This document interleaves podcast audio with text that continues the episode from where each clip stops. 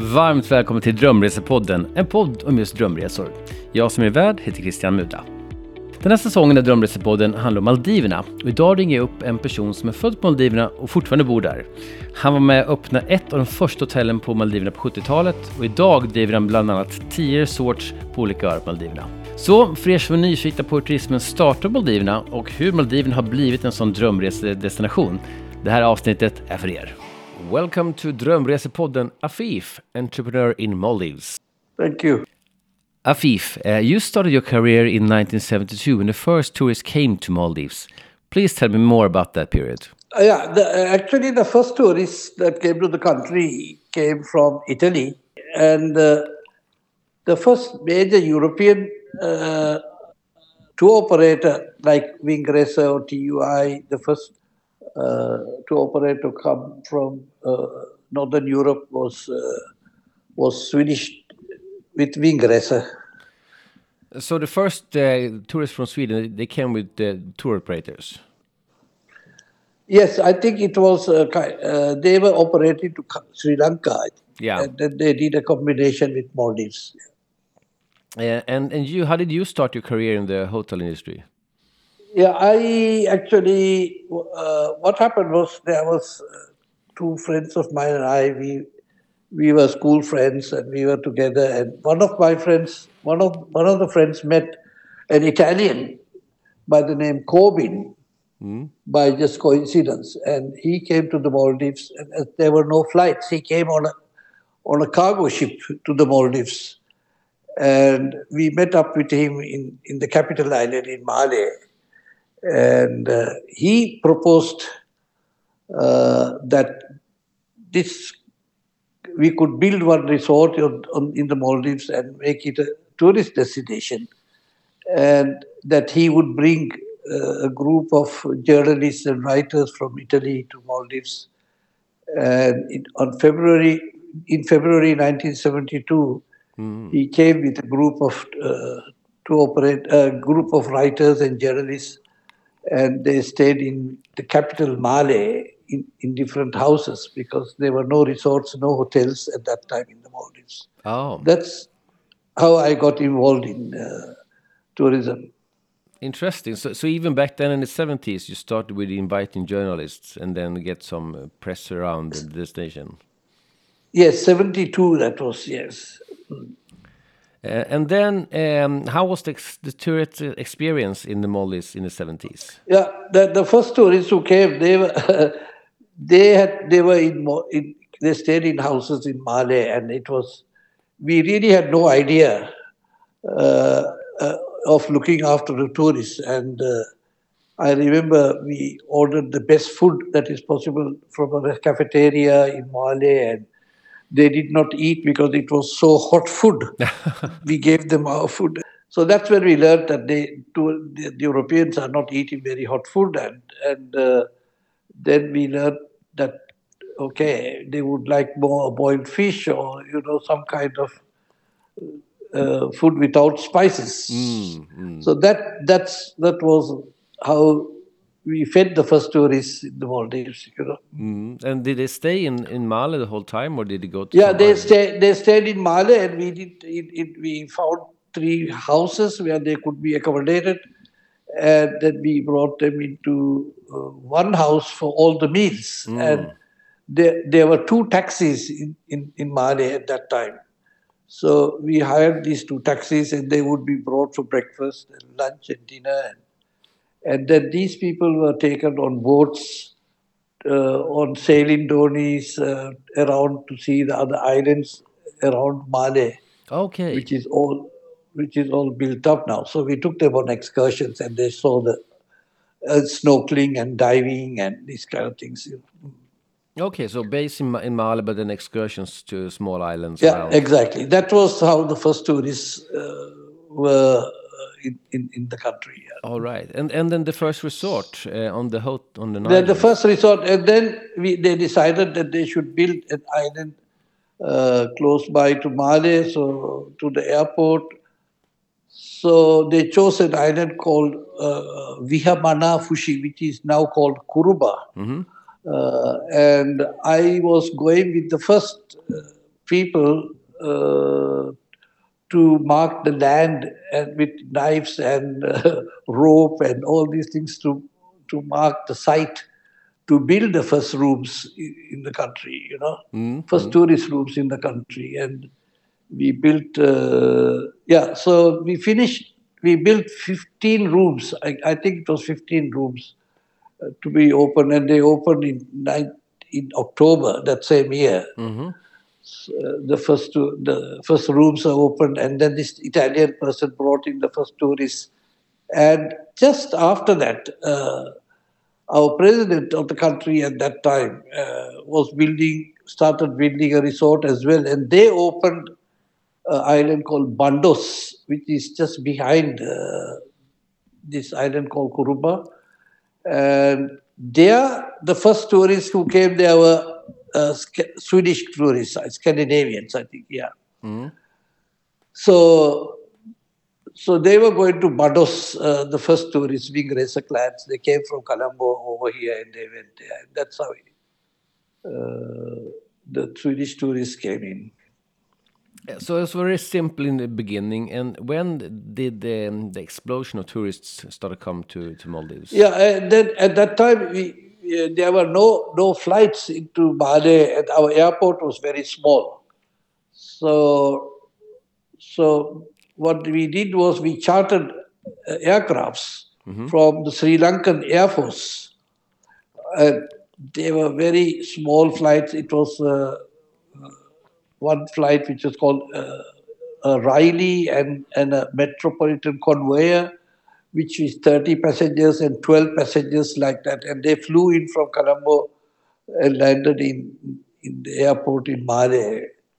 So the first tourist uh, explosion came in actually 1980. The government lengthened the airport uh, to an international airport, really a big one, and and they could have bigger flights coming in. Like uh, at that time, I think it was 707, so some flights like that could land. So that was when uh, the first uh, explosion of tourists came in. Because So and 19. some direct flights. Mm. Yeah, and- 1980, in the 80s, early 80s. A- And back then, there were only uh, boats to go from Male to the islands, or? Yes, there were only boats to go from uh, from island to island. Yes, And when did you get the seaplanes? The seaplanes came in. When did it come? It came uh, late 90s, I think, late 90s, and uh, there was uh, there was uh, a Danish gentleman who had an idea of bringing seaplanes, and he brought seaplanes, and and and there were also another company brought in helicopters, which is called Hum- Hummingbird, and so these two were being used. We got into partnership uh, with this Hummingbird company, and uh, we we brought in seaplanes, and then we started our own seaplane operation.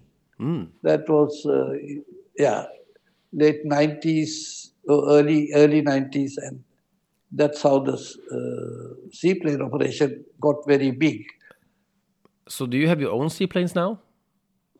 Uh, actually, that time we had uh, our own seaplanes, and until about five years ago or four years ago, we we had a fleet of uh, 29 aircrafts with us, seaplanes, Oh. and and then there was the other company called uh, called Air Taxi, which was the Danish uh, owned company, and and then we what we did was we merged both companies Oh. at one point. We sold the company to Blackstone uh, from US. Oh, okay, okay.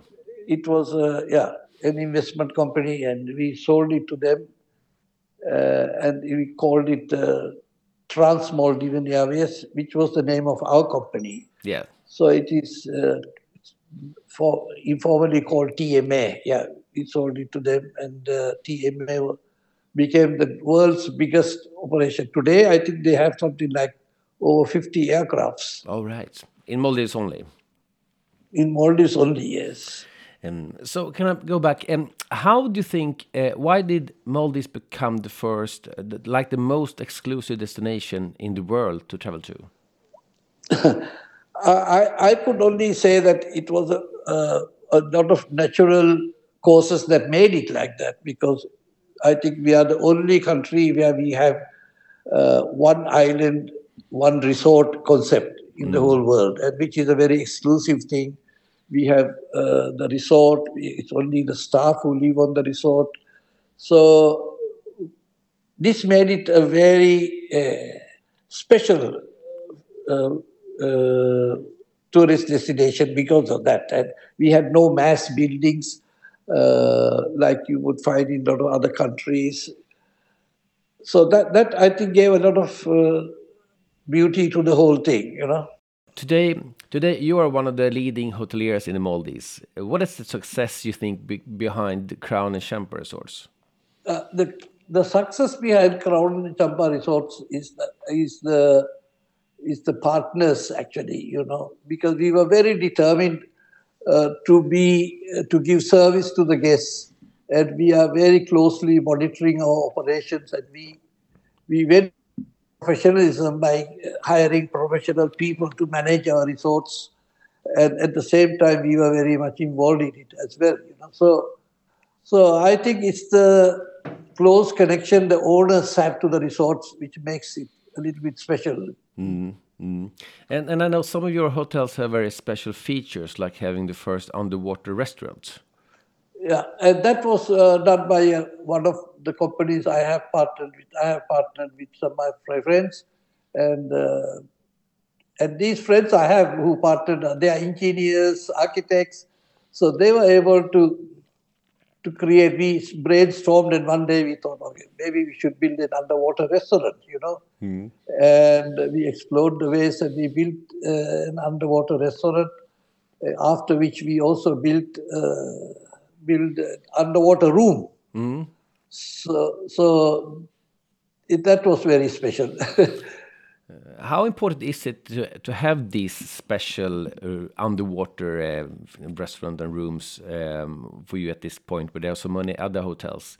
Um, yes, now a lot of others have this underwater restaurant. You know. Yeah.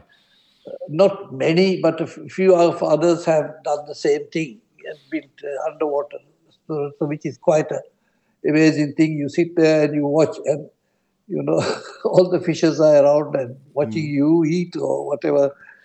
Mm. So, do you have any other plans like that uh, for the future to build special features uh, in the hotels? You know, uh, we, we hardly plan these things. You know, actually, I think uh, one thing we have not done is like the traditional way of sitting down around a table and planning the next five years, what will we do? You know, most of these things have happened more spontaneously, you know. Okay. Mm-hmm. Yeah. So after we built this underwater restaurant and everything in the seaplane, so we also thought that we should contribute to the country by making the health standards of the country better, mm-hmm. you know.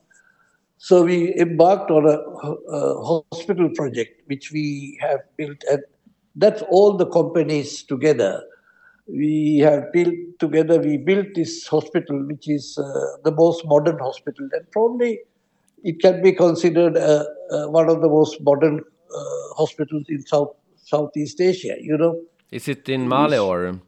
It's in, it's in, not in Male. It is on the island called Hulhumale, which is where the airport is. You know, joined. It is all reclaimed land, and government has reclaimed it. And, all right, so. So you can so like it's one hour by seaplane for from wherever we are in Maldives to get there. No, no, no, no, no. It is from the airport. It's a driving half an hour. You are there. All right, yeah. Know, from so the airport. Yeah. It's very close for the whole so, Maldives. I mean. Yeah, yeah, yeah. It's yeah. It's a very central to the whole country, and mm -hmm. and you can be, come on by seaplane to the airport, and then you can drive there in thirty minutes to the airport to the hospital. And is this both for for local people and tourists? Yeah, you know, yeah, it's mostly local people. Yep. Yeah, it's open for tourists, of course, but uh, when the tourists come, also they know they get more confidence in the country and in the health sector. They know that if something happens to them, there is a good quality hospital they can go to, which is which is good. That's very good. And I also know that you have uh, you have uh, doctors on each island, right? Yeah, and uh, that's a kind of mandatory thing in the country that all islands should have a doctor. But we have a doctor on each island, yes. Mm. How do you see the future for the tourists Yes. in, in Maldives? Uh, just to uh, backtrack a little bit, what happened was in the first days when the tourists came, it was all the tourists were divers, so they were diving, you know, and and then there was nothing else to do in the country. But as time evolved, we came into uh, doing other things. You know, we had uh, started creating this kind of health facilities. We, had, we our standard of the hotels went up. We started to have uh, you know separate restaurants, Italian or or uh, spe- mo- uh, specialty Indian restaurant. So there were a lot of things to do for people. You know, not like going diving all the time.